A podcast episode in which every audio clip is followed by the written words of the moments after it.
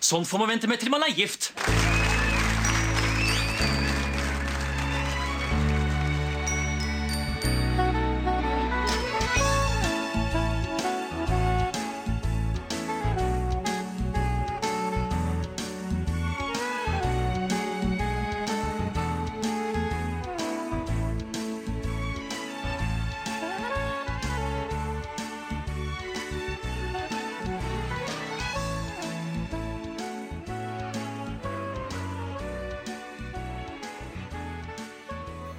Hallo, og velkommen til eh, Norsk film filmklubb. Denne podkasten hvor vi gjenser norsk film med et kritisk, men kjærlig blikk. Mitt navn er Emil Øversveen. Jeg sitter her som alltid med Stefan Kaliski heter jeg. Og i dag har vi sett en film som vant Gledessprederprisen under den norske filmfestivalen. Ble også belønnet med publikumsprisen på Kalovi Vari, publikumsprisen på den norske filmfestivalen og Amanda for årets beste film i 2004. Vi snakker om Buddy. 5. mars. Klokken er eh, halv to. Elisabeth påstår at jeg snorker. Det er bra å si. Skal vi se på.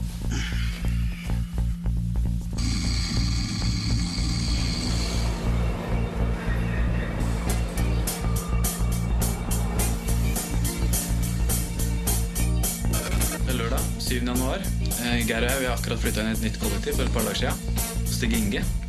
Eh, Her er det helt sinnssykt ryddig. Det er liksom som å flytte inn til en eh, gammel er det, dame. den norske filmen, en feelgood-komedie, vil jeg si. Eller romcom. En romcom, ja. En ekte norsk romcom. Og som dere alle vet, så er jo dette det er jo en romantisk komediefilm. komediefilm. -hmm.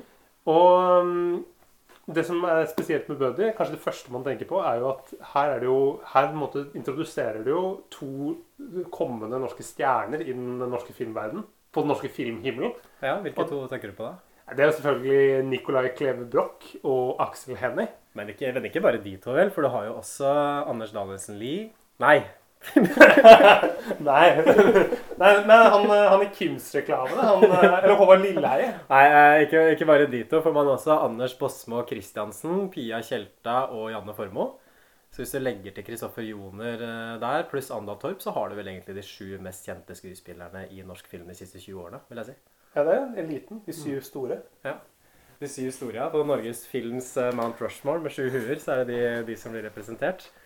Ja, det, det, jeg syns nesten det ble noe sånn uncanny ved å se filmen også, fordi alle de hovedrolleinnehaverne er så ekstremt kjente eller har blitt det så i ettertid. Så Ja, og, og en del av dem, ja. Den, det trekløveret som bor i eh, kollektivet der, er jo, har jo faktisk liksom, Det er jo her de ble store, gjennom Ja. den filmen der. Det er gjennombruddsfilmen til alle sammen. Og så er det jo også verdt å nevne at i denne filmen her så spiller Aksel Hennie spiller birollen, mens Nicolai Klebrok spiller hovedrollen. Ja, og det, det, det styrkeforholdet der forandrer seg jo litt etter hvert. Da går jo på en måte er jo, Her begynner jo Nicolai Kleve Broch som, som kongen. Mens eh, det er, i dag så er det jo Aksel Hennie som er mest kjent uh, for de fleste. Ja, det kan hende at man tenkte at uh, Nicolai Kleve Broch var litt mer salgbar. sånn Litt sånn typisk kjekkere, kanskje. Litt uh, mer en typisk filmprotagonist. Han er jo kjekkere, sånn objektivt sett. Jo, men det var Aksel Hennie som trakk det lengste strået, som vi alle, alle veit. Aksel Hennie, som er denne podkastens uoffisielle protagonist og gallionsfigur. Men vi kan jo kanskje si litt om handlingen i filmen, for dette er kanskje en film som det er uh, en stund siden folk har sett.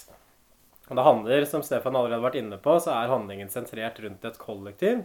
Hvor Kristoffer, spilt av Nicolai Kleve Broch, og Geir, spilt av Aksel Hennie, eh, flytter inn hos eh, Inge, spilte Anders eh, Bosmo Christiansen, eller Geir Inge, som bor der fra før av. Stig Inge. Stig Inge, ja. ja. Viktig å ha detaljene på plass. Eh, og og Kristoffer, filmens hovedperson, han har en videodagbok hvor han filmer seg og kompisene sine. Både bare ting de finner på i kollektivet, men også noen sånn jackass-aktige stunt som de gjør underveis. Og denne videodagboka blir egentlig den røde tråden. Er den som introduserer oss for filmens univers, og det er også den som driver narrativet framover i denne romantiske komedien.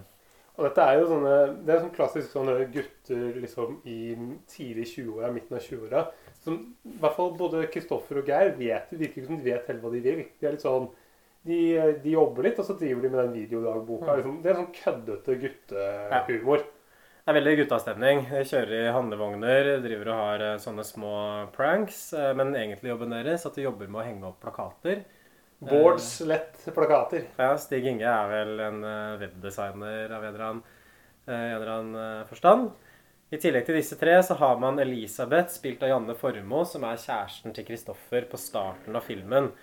Og egentlig den uh, hendelsen som setter i gang alt sammen, er at uh, Janne Formoe vil gi uh, Nicolai Kleve Broch nøklene sine. Fordi det uansett uh, ligger så mye over hos hverandre. Og dette her reagerer han veldig på. Han er ikke klar for det ansvaret. Han er ikke klar for den forpliktelsen. Jeg liker det veldig godt og sånn. Det er ikke det, du veit du. Men, men jeg bare syns kanskje at vi At vi rusher ting litt her. At, at, at det kanskje er litt tidlig med liksom, reservenøkler og At det ikke blir sånn flytte sammen-stemning. Sånn. Eller det er bare det at jeg, jeg syns det blir litt mye ansvar med nøkler og Og Geir, Geir har også en dame som han driver og gjemmer seg for. Eh, Det kommer seinere fram at det er fordi at hun har en eh, sønn med han som han ikke vil vedkjenne seg. Kan komme mer på det plottet underveis. Og det er en litt sånn Seinfeld-aktig scene, syns jeg, når han diskuterer det med Aksel Hennie når de er ute og kjører der i bilen. Hvor de også dukker unna for denne dama. Så får man kanskje store, første latteren i filmen for min del, i hvert fall. Ja, for det, det, Jeg kan jo beskrive scenen. De, de sitter i en varebil, og så kommer dama, dama gående over veien. Og da gjemmer Geir seg. liksom, Han, måtte, han, bare, han legger seg liksom under, uh, under dashbordet på bilen. Mhm. Ulempen er jo bare at eh, når hun dama ser opp, så ser hun at det er ingen som kjører bilen. Nei, er For da- Geir er sjåføren, ja. ja. Han er borte. Det er bare han Nicolai Klevebrok, som sitter i førersetet der. Anne Bakke Wiig, som spiller den karakteren, stusser noe, stusser noe veldig. Eh, og det gjør også et stunt i TV 2-bygget, hvor Aksel Hennie skal hoppe ned i en container fra det er vel tredje eller fjerde etasje, tror jeg. Så står det en container med noe skumgummi på bakken, som han hopper ned i. Og den utvikler seg at vaktmesteren kommer, og Nicolai Kleve Broch blir jaga gjennom TV 2-redaksjonen. Og da mister han noen kassetter av den videodagboken inne på gulvet i TV 2. En ting vi må problematisere her, er hvorfor det bare er skumgummi i konteineren når de pusser opp hos TV 2. Hvorfor, hvor kommer denne, all den skumgummien fra? Det ser jo liksom ut som oppussingen for et hotell. Ja, det det er ikke, litt kunstig, kanskje. Du vet jo hva de holdt på med i TV 2. Det er ikke godt å si. Nei, det vært Ikke- Big, nei, Big Bro... Nei, hva faen det var Det var Norge, det. Nei, det var ikke det. Robinson. Nei, det er Nei. TV 3, ja. Ja, jeg vet ikke helt hva de lager. Farmen. Det er, Farmen, ja. Nei, det er skumgummi fra de fake trærne og fake uh, kyrne på farmen, tror jeg. Ja, så da, du bruker, for da setter du opp store madrasser med skumgummi? Eh, så det er en veldig sånn ungdommelig energi som det er ganske lett å bli smitta av sånn i starten av filmen. Uh, det kommer også inn et nytt kollektivmedlem, Uh, Henriette, spilt av Pia Tjelta, som skal bo hos dem i noen uker før hun skal videre til New Zealand. Og Pia Tjelta drar med Nicolai Kleve Broch og Aksel Hennie på en fest med informasjonssjefen i Bellona, som hun skal ut på dette jordomseilingscruiset med.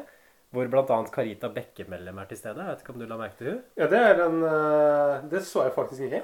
Nei, tidligere Oi. politiker, så hun er på den festen. Det er mange kjendisgaver i filmen. Og det, et, En fun fact til er jo når, når gutta står i heisen på TV 2 for å hoppe ned i skumgummimadrassene, så støter de jo på værmelder, anmelder, eller værmelder Mm. Ja. Elin Tvedt Mm. i heisen. Ja. Dette er den andre filmen vi ser hvor Elin Tvedt har en kjendisrolle. Mm. Hun har også en kjendisrolle i Lange, flate baller. Beklager at jeg avbrøt deg. Ikke, er ikke, ikke noe problem. Det er det vi liker. Det er også cameoer av Lasse Kjus, Kim Kolstad, en av våre favoritter, som er på denne premierefesten. Han lå merke til. Han kommer jo bort til dem. Ja, han kommer, og da, da blir eh, programlederen for uh, lørdagsprogrammet Han blir jo helt oppslukt i Kim Kolstad. For Ja. en sånn stor kjendis. Hun kom på premierefest på TV 2. Dette var i 2004, Kim Kolstad sin prime, før han grodde langt hår og flytta på landet og ble hippie. Men, det, men det, de kameraene fungerer jo kanskje ikke så spesielt godt, fordi alle hovedpersonene er jo mye mer kjente nå i dag. Altså, altså Elin Tvedt og Kim Kolstad og Stål Talsnes er jo kjent nok, de. Men ikke Nicolai Kleve Broch eh, kjent, ikke Pia Tjelta kjent. Men det er i hvert fall mange kjendiser som er med, og det er kanskje en sånn generell tendens det med at vi så lange, flate baller sist uke, at alle de kjendisene vil hive seg ned på norsk film nå. jeg vet ikke, Det må ha vært en sånn ny utvikling, tror du ikke? Jo, at de, måte, de tenker at nå At Stål Talsnes på en måte blir enda mer kjent. Liksom blir med i Buddy. Eller få Stolt Hansnes til å kaste glans over en enkel eh, romantisk komedie.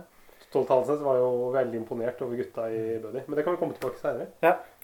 så de drar i hvert fall på denne festen. eh, og så etter hvert i filmen så, så skjer det at eh, hun eh, Janne Formoe sin karakter, Elisabeth, velger da å gå fra Nicolai Kleve Broch, Og, og det som ligger litt under grunnen til at du går fram, det er ikke bare det at han er en umoden fyr, men det er på en måte det er jo det at han, han har ikke noe vei ambisjon i livet. Nei. På den premierefesten så står jo eh, så står jo Nicolai Klevebrok og, liksom, så spør folk hva han gjør. Så sier han at han jobber med plakater. Da antar de på premierefesten at ah, du jobber med kunst. Du Ja. jobber med plakatkunst. Han, og Nicolai Kleve sier at nei, jeg bare henger dem opp.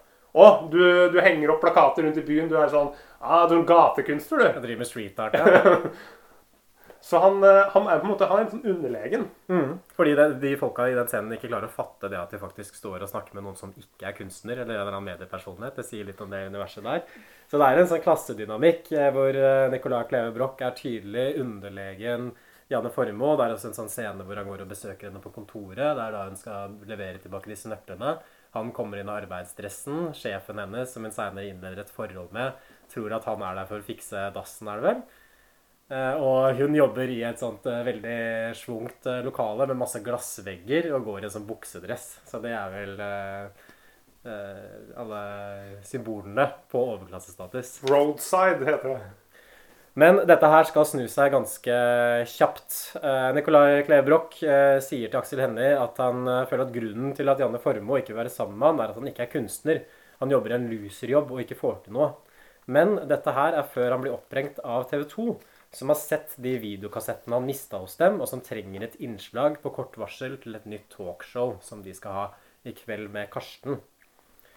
Eh, og Nicolai Klevebrok ender opp med å takke ja til tilbudet, og de blir da et fast innslag på dette talkshowet og blir en slags kjendiser over natta, kan man si. Ja, og, og det som vi, vi har jo fortsatt ikke snakket om For det er, jo, det er jo tre som er med på dette her. Det er jo ikke bare Geir og denne Kristoffer, ja. Det er også Stig Inge.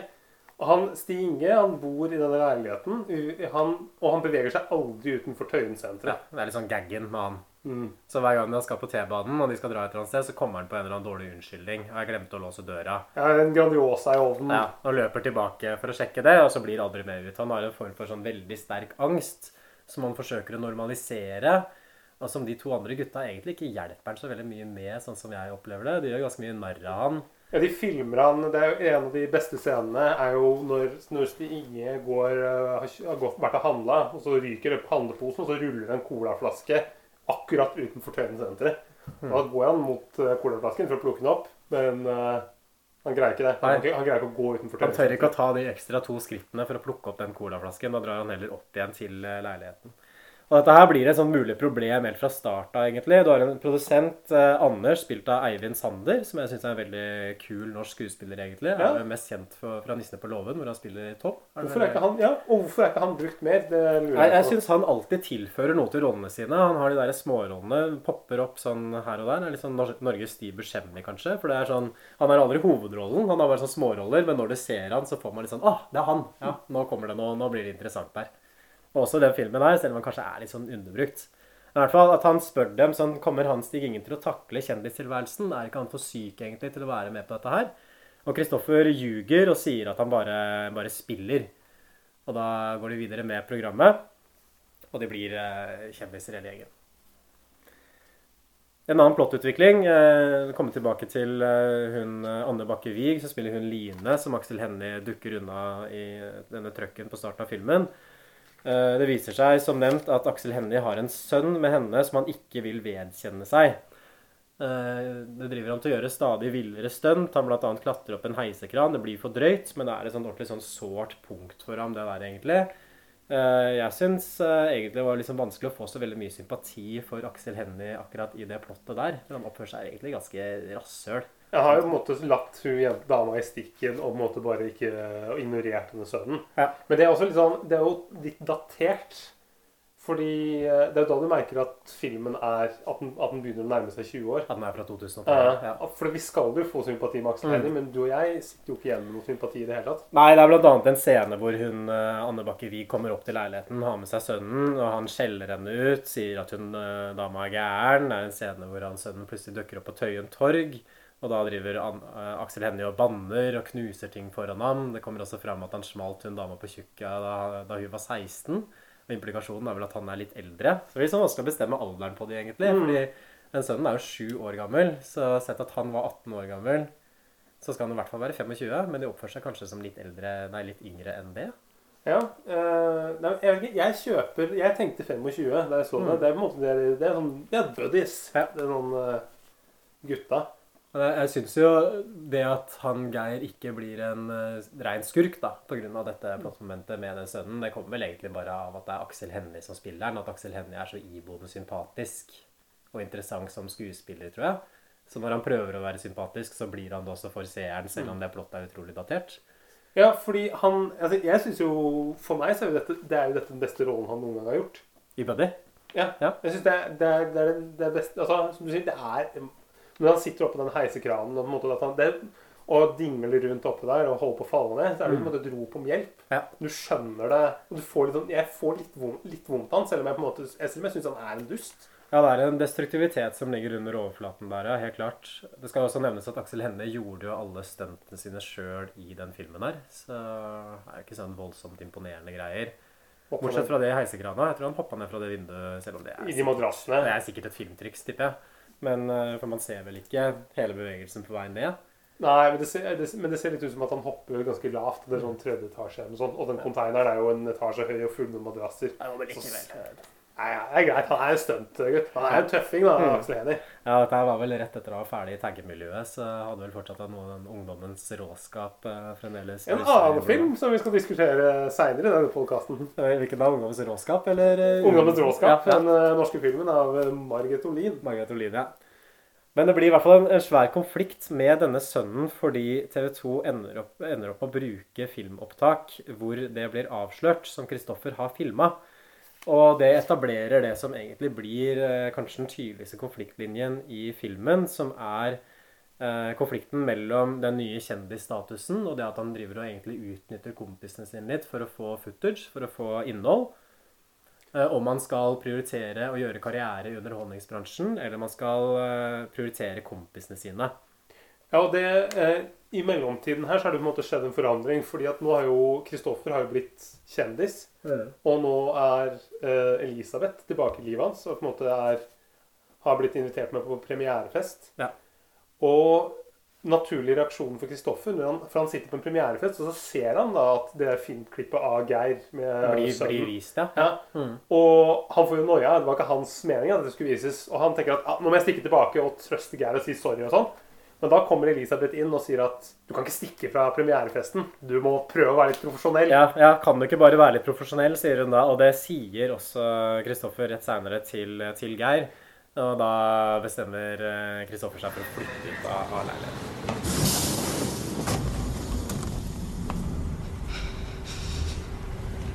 Du, jeg stekte en Grandiosa i stad. Kom jeg plutselig på at jeg kanskje glemte å skru av ovnen. Det er også et element med han Stig Inge, altså Anders Båsmo Christiansen sin karakter. Han ser et klipp hvor de henger ut Stig Inge på TV-en, og han begynner å skjønne feilen han har gjort. At Stig Inge er ikke klar for dette her i det hele tatt. De framstiller han som en raring, de blottlegger de psykiske lidelsene, angsten hans i beste sendetid. Og en angst som egentlig Stig Inge er ganske opptatt av å skjule. Og det blir også mer og mer kontrovers eh, i samfunnet for øvrig og medieverden for øvrig om akkurat dette her. Det er et klipp eh, hvor de sitter i en eller annen debatt hvor Fredrik Skavlan er med, nok en eh, cameo. Eh, og Fredrik Skavlan argumenterer egentlig for at det programmet er umoralsk, at de utnytter en psykisk syk mann for å få latter og for å gi underholdning på lørdagskvelden. Og da får jo både Eivind Sanner og Karsten, da, som spilles av Kim Haugen, denne programlederen, for dette litt sånn ja, talkshowet hvor disse gutta er med, får jo kalde føtter.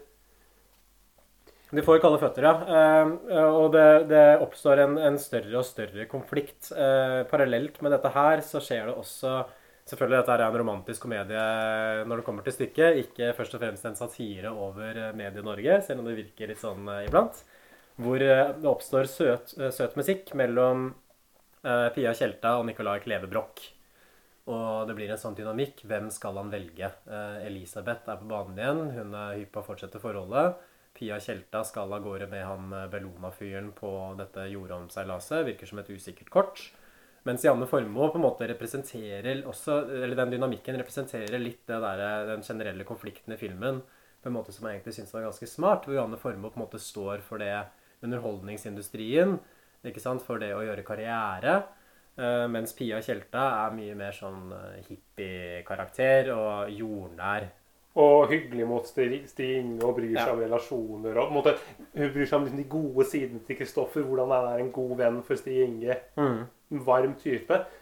Eh, noe som på en måte er også litt rart, fordi altså hun, hun, holder jo på med to menn samtidig. Han er Dag, er det ikke han heter? Han er eh, informasjonssjefen i Bellona. Ja, Som spilles av Pelle fra Pelle og Proffene. Ja, Håkon Håvard Bakke. Mm. Og, og, som også er litt sånn, sånn, rar dynamikk der mellom Håvard Bakke og Kristoffer. Kristoffer er, er gjennomgående sur på han der Dag, og helt sånn tverr og sutrete og vanskelig. Mm. Uten at den, han eh, Dag egentlig har gjort noe han Nei, han har ikke gjort noe gærent. Da er jo hyggelig. Ja, han er jo en fin fyr. Han sier, veldig bra, han sier sånn til Kristoffer Veldig bra det dere hadde på TV. Selv om jeg bare ser på NRK1 og svensk TV. Ja, men det tenkte jeg å spørre deg om, fordi det er et sånt element hvor man driter ham litt ut. Og jeg tror at noe av det som driter han ut i den karakteriseringen, er det at han jobber for Bellona og er sånn miljøbevisst. Og kjører rundt i sånn body elbil. Kjører i sånn liten elbil og blir så latterliggjort. Så en sånn veik middelklassefyr som er med Bellona og bryr seg om miljøet og kun ser på smale smale TV-kanaler. Så det er jo kanskje et eh, annet eh, sted hvor man merker kanskje litt alderen i filmen. da. Fordi det å være miljøengasjert, og i hvert fall altså miljøengasjert med en miljøorganisasjon, det beskrives som veldig ukult i filmen. Og taperaktig. Så jeg, jeg, tror det er, det er meninga at det skal gjøre at vi syns at han karakteren er mindre sympatisk. En døll fyr, rett og slett. I bakgrunnen så blir Anders Bosmo Christiansen egentlig i verre og verre form. Jeg syns at filmen hjelpes veldig av Anders Bosmo Christiansen. Han gjør en veldig sterk rolle. Han vant også Amandaprisen for den rollen. Uh, fullt fortjent, uh, eh, syns jeg. Han er virkelig helt fantastisk, egentlig, og er mye av det som uh, jeg tror at gjør at filmen fungerer så godt som det den gjør. Og jeg syns også filmen formidler de psykiske problemene hans på en ganske tydelig og samtidig sånn respektfull måte. Fordi Kristoffer driter han jo litt ut i disse opptakene. Men jeg føler ikke det er sånn at filmen nødvendigvis latterliggjører det å liksom ha angst eller ha psykiske problemer. Ja, det eh. problematiserer jo også det at Kristoffer uh, bruker det i uh, liksom TV-program og til liksom at du, du, film, eller Filmskaperen sier jo indirekte at dette er ikke greit. Nei, det blir framstilt som en uting, ja. Mm. ja. Og det hele kulminerer i en avsluttende scene hvor, eh, hvor TV 2 har stilt et krav om at siden de har fått alle disse reaksjonene, så må Kristoffer og Stig Inge komme på dette talkshowet og blitt intervjua live på lufta. Eh, hvor Anders Bosmo Christiansen får egentlig et totalt sammenbrudd live på lufta. Og Nicolai Klevbrok må synge HamKam-låta. Eh, begge karakterene er fra Hamar, så det er selvfølgelig en ting som varmer mitt hjerte. Jeg sang med av full røst for å få ham ut av angstanfallet. Jeg syns den scenen var veldig vond å se på. Skikkelig ubehagelig. Jeg vet Oi. om du er enig i det? Uh, nei. Jeg syns den, var, liksom, den var rørende. For, det, på en måte, for det, det, det, det, det du merker, Der har jo Kristoffer gått i feil retning hele tida. Blitt mer og mer kynisk. Mm. Han har sagt til han Basmo at, eh, eller til Stig Inge at nå må du, eh, nå må du liksom skjerpe deg, Stig Inge. Du kan ikke, kan ikke være noen pizzaer eller kokeplater som står på nå når vi skal gå på TV. Ja. Nå skal vi på TV her. Og på en veldig, lite, sånn, lite, hyggelig og veldig sånn kjip måte mot en fyr som har angst. Mm. Han har på en måte veldig lite forståelse for, uh, for, det her. Men du merker at når han sitter på, på live TV og, og, og stiger inn for anfall, så virker det som at nå, nå snur det her. Nå skjønner han at jeg har vært en dust. Mm. Og da bare tar han alt på sin uh, kappe og jeg, jeg tror egentlig han skjønner det litt tidligere i filmen. Når han ser det klippet på TV. Da begynner han å skjønne det kanskje, men sånn kulminasjonen kommer på TV2 på, på lufta her. Jeg synes det var en fin scene. Ja, det er en veldig, veldig fin scene, ja. Men, eh, men, jeg mener at den er ubehagelig. Så det er mm. mer at Anders Bosma Christiansen er så god. Man ser alt som beveger seg inni han. Det, det lykkes ganske godt også å klippe til den scenen bruken av lyd og lys og, og klipping. Mye sånn svosj, liksom sånne litt sånn uklare bilder med litt sånn eh, Med litt sånn med sånn lyd som er litt inni en sånn boks. At det er veldig sånn hul, hul klang i lyden og Ja, alle de faste triksa, egentlig, uten at det Mm. blir noe klisjeert av den grunn. At Nei, jeg synes det, det, det er effektivt. Og Uh, ja, Nicolay Kleveblokk synger HamKam-låta 'De tar han av lufta', og begår vel egentlig et karriereselvmord i beste sendetid. Det er ikke snakk om at han kommer til å gå videre til noe karriere etter dette her. TV 2 har vel forespeila for at han skal få et halvt år på å utvikle et nytt TV-konsept. De vil gjøre han til en profil. Det er helt uh, utelukka nå. Men han berger forholdet med, med gutta. Med Aksel Hennie og med Anders Båsmo Christiansen. For når han kommer hjem, så sitter, eh, sitter Martin og Geir i, eh, i sofaen. Ja, Martin er Geirs sønn, ja. Mm. Ja, Geir. Og uh, Geir er liksom Nå er de, nå er de kompiser igjen, etter å ha vært uvenner lenge. Ja. var på en måte Geir det, Geir syntes var fantastisk, det han gjorde. Mm.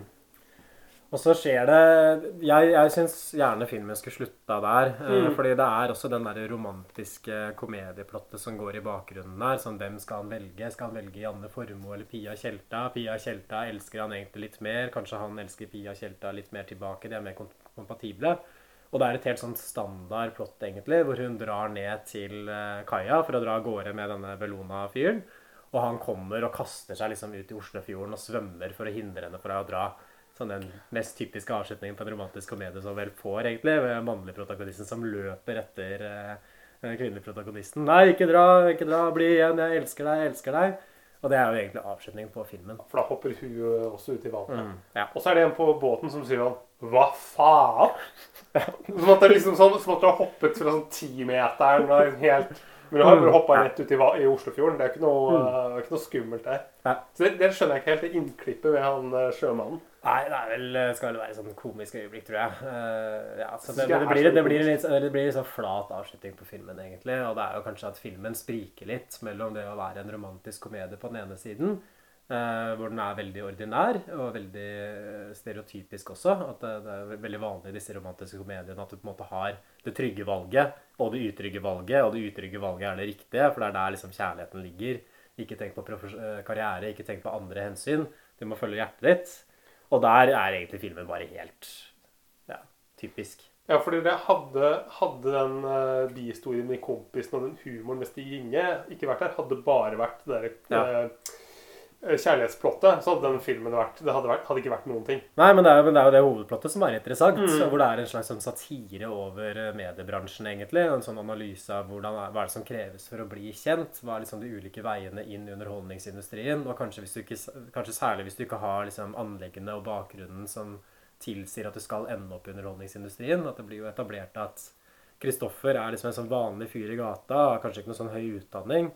Og filmen kommuniserer jo litt tydelig at dette er en person som aldri i verden ville komme på TV 2 hvis det ikke var for disse videokassettene. Mm. For døra inn der for han er på en måte stengt.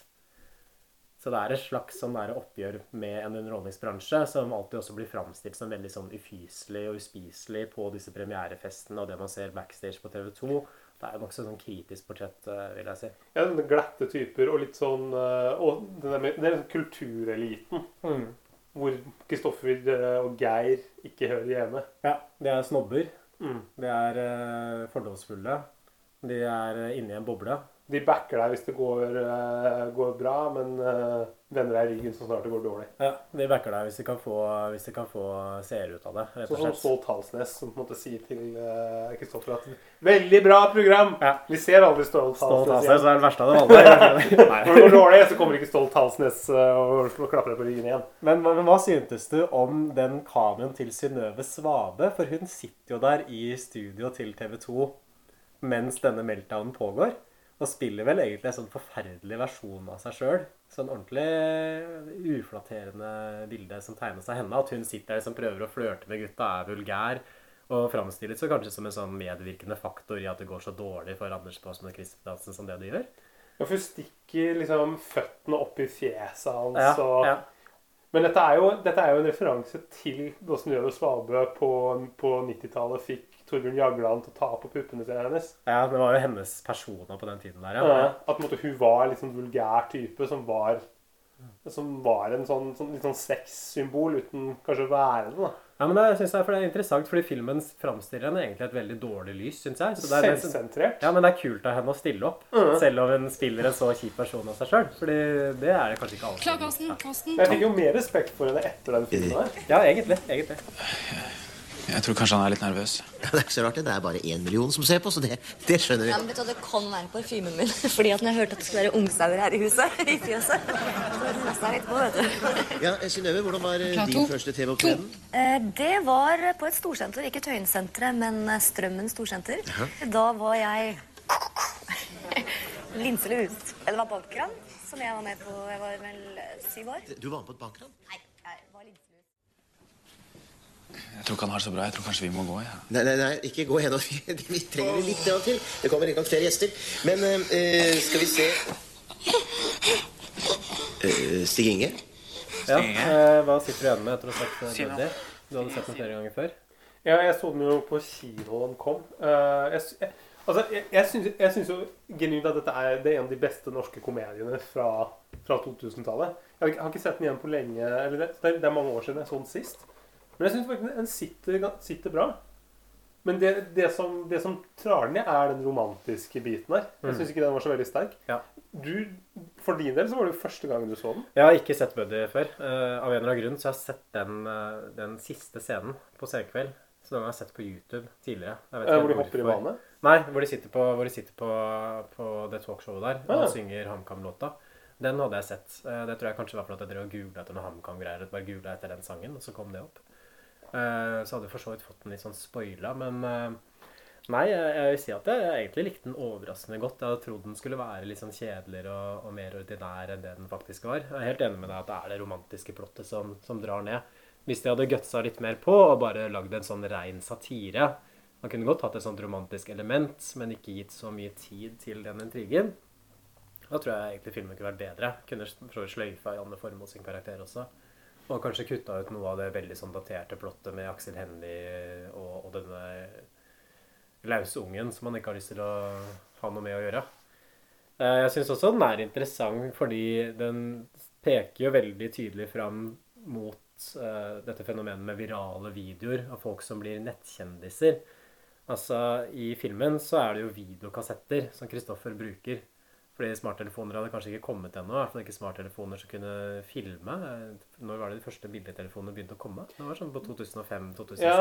Du hadde vel, du hadde vel sånn Siemens, Siemens MC60, Ja, og sånn, sånn ja. Mm. dårlig kamera. Og Han filmer på de, gamle, gamle DV-kassetter. Sånn Ja, som vi holdt på. Han spiller på sånn ordentlig, ordentlig videokamera, men det han egentlig driver med, er jo å lage en sånn type virale videoer, eh, som er et slags sånn grensesnitt mellom Jackass, eh, som, blir, som jeg tror er en sånn helt tydelig referansepunkt i den filmen her, egentlig, eh, og mer sånn type influenser-videoer. Og det jeg syns er sånn interessant også med, med den analysen, eh, eller det portrettet av denne selvdokumentasjonskulturen som framstilles i filmen, er jo at filmen ganske tydelig argumenterer for at det er ikke alt som bør deles. Det er ikke alt som bør være offentlig. Det er ikke bra nødvendigvis å eksponere seg og sitt privatliv slik at alle folk kan følge med. Og at hvis du gjør det, hvis du på en måte tar et vennskapsforhold, eller tar et kjæresteforhold, eller forhold mellom barn og sønn, eh, eller eh, sønn og far, og putter det på skjermen og viser det til alle, så kan det også ende opp med å ødelegge det som man dokumenterer i utgangspunktet. Og det syns jeg egentlig er en litt sånn frisk beskjed, som i hvert fall inn i dagens eh, medievirkelighet, hvor de influenserne har blitt så ekstremt dominerende, og man kan jo si at i filmen så er det jo alltid tydelig at det er TV 2 og, og Karsten og dette talkshowet som på en måte er det big dogs. De prøver å få innpass hos dem. Men i dag så er det vel nesten slik at de influenserne nesten har større makt enn de tradisjonelle mediehusene, enn det TV 2 har, f.eks. Ja, for i dag så kan jo influenserne så kan de jo bare helt unndra seg liksom vanlig mediedekning og bare si nei når vanlige medier ringer, og så bare tar de alt via, via sosiale medier isteden. All PR. Ja. For de kan redigere og sitte og styre det selv. Mm. Det, som, det, er også, det er jo påfallende at det er jo, det er jo TV 2 som er den stygge ulven her. Det er ikke NRK. Mm. Det er jo det er liksom et sånt klassisk sånn talkshow-format. Litt, litt sånn, sånn vi kjenner det fra liksom, den gangen. Jeg kjente det fra USA. Som måte fortsatt var ganske altså ganske, det, var ikke, det, var ikke, det var jo fortsatt et ganske nytt konsept i Norge i den tida der. Du hadde på en måte, du hadde hatt noen spede forsøk på NRK på 80-tallet sånn, Ja, med Dan ja. Børge og uh, han uh, Hva heter han store, store Per? Tanne-Per. Tanne-Per. Tanne-Per. Mm. uh, så, så det er også noe der, da. Det er jo på en måte, ja, du, sier, du ser en, den er en tydelig en, en start på liksom en helt ny mediehverdag. Ja, det, og filmen er jo nesten litt sånn profetisk, fordi nå har vel Sofie Elise blitt Dorte Skappels vikar i God kveld Norge, og du ser jo som f.eks. Farmen kjendis, eh, som også Begge disse programmene er på TV 2. Hvor mange av de kjendisene hvert år er ikke sånn influenserkjendiser som, som slår seg opp først ved å sitte hjemme på gutte- eller pikerommet og filme seg sjøl foran et webkamera eller filme seg sjøl i mobilen i senga. ikke sant? Så, så jeg føler at filmen peker på en måte veldig sånn tydelig fram mot det. Og kommer også med en eh, slags kritikk av det influenserfenomenet som i hvert fall Jeg vet ikke om det var så innmari radikalt da den filmen kom, men fra vårt ståsted her i dag så syns jeg at filmen framstår som litt radikal på det punktet. For de sier at det er, ikke, det er ikke bra, det er ikke verdt det. Det bør ikke eksponeres. Du kan filme det for deg sjøl, men ikke få det opp på lufta. Det kommer til å ødelegge livet ditt, rett og slett, hvis du ikke gir deg i tide. Og Ja. velger det vanlige, ikke-medialivet. Ja, han holder jo på å miste liksom begge, begge vennene sine. på grunn av det. Men det er, det, at, ja, det, det er jo det som også gjør at den for min del sikkert har en del ønskesglede. At det er gøy å se den igjen. For måte, det, du, jeg ser noe helt annet i den nå enn det jeg gjorde Mm. da. Uh, og at Altså den, den, er, den, den holder seg Den holder seg godt. Den burde, det burde jo vært en sånn pensumfilm på barneskolen. Nesten, ja. Ja, faktisk. Ja, men den, den har jo Det er jo helt klart. Jeg syns også det er en interessant uh, framstilling av kjendiskulturen inni bildet her. Uh, det har vi vært inne på litt uh, tidligere i filmen, men noe vi ikke har nevnt, er den karakteren Frode Gjertsen, som er en sånn fyr som desperat prøver å komme seg inn i underholdningsbransjen, og har uh, bl.a. et sånn helt forferdelig standup-show litt ute i filmen, som han egentlig ikke tvinger, men i hvert fall eh, drar med seg en veldig motvillig Kristoffer på. For han tenker vel at det å få Kristoffer på den premiere, eller på den standup-forestillingen kommer til å kaste noe som blest og bidra til å breake han da, innen underholdningsindustrien. Jeg Vet ikke hva du syns om den eh, karakteren der. Frode Gjertsen?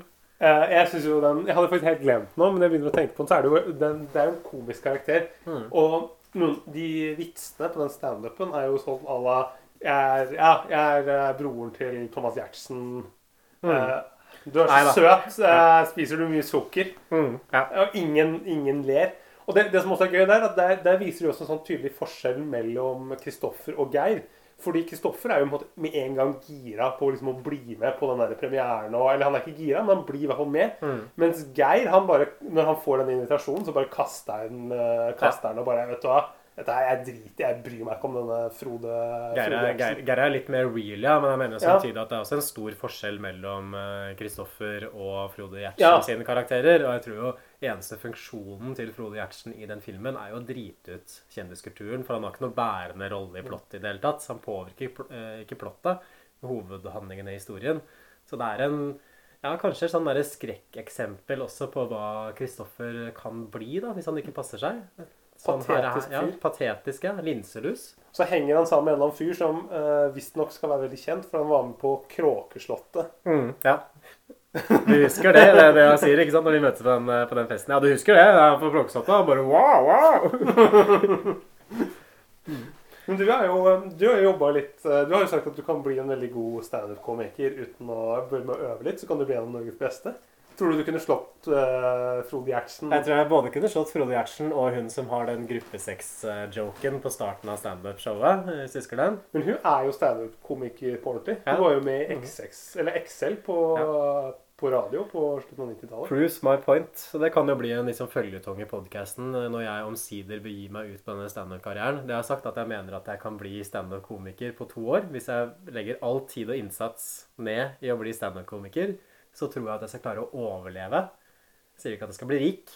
Jeg sier ikke at jeg skal komme på fattigdomsgrensa engang, men jeg tror jeg skal klare å overleve av å være standup-komiker om to år.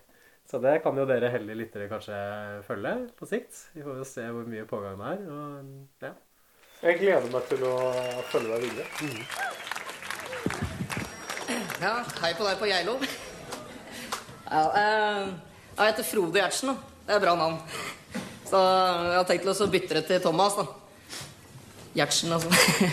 Nei da. Nei, eh, Jeg kunne ikke det, for det, det, Thomas er broren min, så Nei da, vi er ikke i slekt engang, vi, altså, så Nei, nei, men eh, Du var ganske søt. Spiser du mye sukker, eller? Nei, nei, var ikke det. Ja, det er vel der også en sånn beskjed Altså, filmen heter jo 'Buddy', og den handler jo veldig mye om vennskap, selvfølgelig. Og hvor også det fotballaget HamKam blir en slags metafor for det vennskapet, eller for vennskap generelt, på en måte som jeg egentlig syns er litt sånn vakker. HamKam er jo fotballaget i Hamar. Det står for Hamar-kameratene. Eh, det er en scene hvor Kristoffer og Stig Inge bonder litt over at begge to er fra Hamar. Og HamKam er et lag som ikke har gjort det sånn spesielt godt, kan man si. Mye opp og ned. De var faktisk oppe enten var det Tippeligaen eller førstedivisjon. Jeg er ikke fotballinteressert i det hele tatt, så ikke siter meg på det. Men det var en periode da Ståle Solbakken, som nå er landslagstrener og tidligere HamKam-spiller, Solbakken er også fra Hamar, kom tilbake eh, og løfta laget litt. Så det er et lag som på en måte alltid har et sånt potensial, eh, mener i hvert fall supporterne. Eh, men som også ryker på mange nedturer. Og da sier Anders Bosmo Christiansen noe jeg syns er veldig fint, hvor han sier at det er det som er greia med fotballag. Man skal heie på dem selv når de driter seg ut. Det er da man må tro på dem, når ingen andre gjør det. Det kanskje, det spiller kanskje litt på at, uh, at uh, med Stig Inge at måte, Vi har ikke noe tro på at Stig Inge noen ganger skal liksom legge fra seg denne angsten her. Mm. Men det virker det jo faktisk man får til i løpet av Ja, han gjør jo det på slutten av filmen, så blir han jo med dem ut. Det er vel også han som ja. tagger ned de der skiltene. Fordi de, de jobber jo med den der plakatopphengingen, ikke sant. Og da er det en scene på slutten av filmen hvor uh, Pia Tjelta kjører ned på vei ned mot uh, dette Jordan-verdensseilaset. Uh, og hvor det er masse sånne store skilt. 'Ikke dra'. 'Kristoffer elsker deg'. 'Du er pen'. Og da står Anders Bosma Christiansen med den overhallen fra det plakatfirmaet. Så implikasjonen er vel at det er han som har vært ute og hengt opp de har kjørt rundt sammen med Geir og hengt opp plakater. Mm. Også når han Når Geir, når Geir og Nei, når Kristoffer mm. og Stig Inge går hjem fra denne, dette mislykka talkshowet med mm. HamKam-sang, så kommer det ei dame bort til Stig Inge som han tydeligvis har studert informatikk sammen med. Og som åpenbart ikke har fått med seg det talkshowet her, og på en måte spør om ja, du har blitt TV-kjendis og vi må gå ut og Hvor Stig Inge bare ja, ja, men det hadde vært hyggelig. Mm.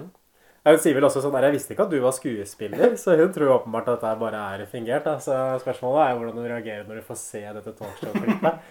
Så er kanskje det lønna seg litt uh, likevel da, å komme på TV for dem. Ja, for Stig Inge er den måte hvor dette virkelig har, uh, hvor det har lønt seg på sikt. Ja, det ødelegger jo litt sånn beskjeden i filmen, syns jeg. Man får den forkludringa helt på slutten der, for da er den ikke så anti-underholdningsbransje, egentlig. Ja, det hjelper deg. Liksom, det er bra å være med litt i underholdningsbransjen, mm. men du skal ikke dra det for langt. Du skal i hvert fall ikke ønske å ha ditt eget TV-program på TV 2. Ja, hvis man, skal, hvis man skal være i underholdningsbransjen, skal man bruke det for å få bedre kontakt med sønnen sin, og for å få bedre kontakt med venner, og komme seg over psykiske lidelser. Og så trekke seg ut. Ja, da er det der perfekt.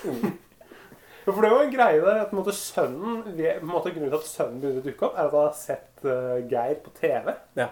Mm. Så det er jo det er hele tiden sånne implikasjoner at dette faktisk er en, er en fordel. Mm. Det er også gøy med Stig Inge at han har bodd det gjør de også sånn, litt, de, de, de, mobber jo Hamar litt. For at, uh, Stig Inge han har bodd måte, han sier at han har bodd i New Zealand, Dubai, Malaysia og så Hamar. Jeg syns ikke det er mobbing i det hele tatt. Ja. Det er en sidestilling. At han eh, setter Hamar på den linja der hvor du hører hjemme, som er ved siden av Dubai og New Zealand og alle disse andre eksotiske ja, Beklager det. Ja, det er greit.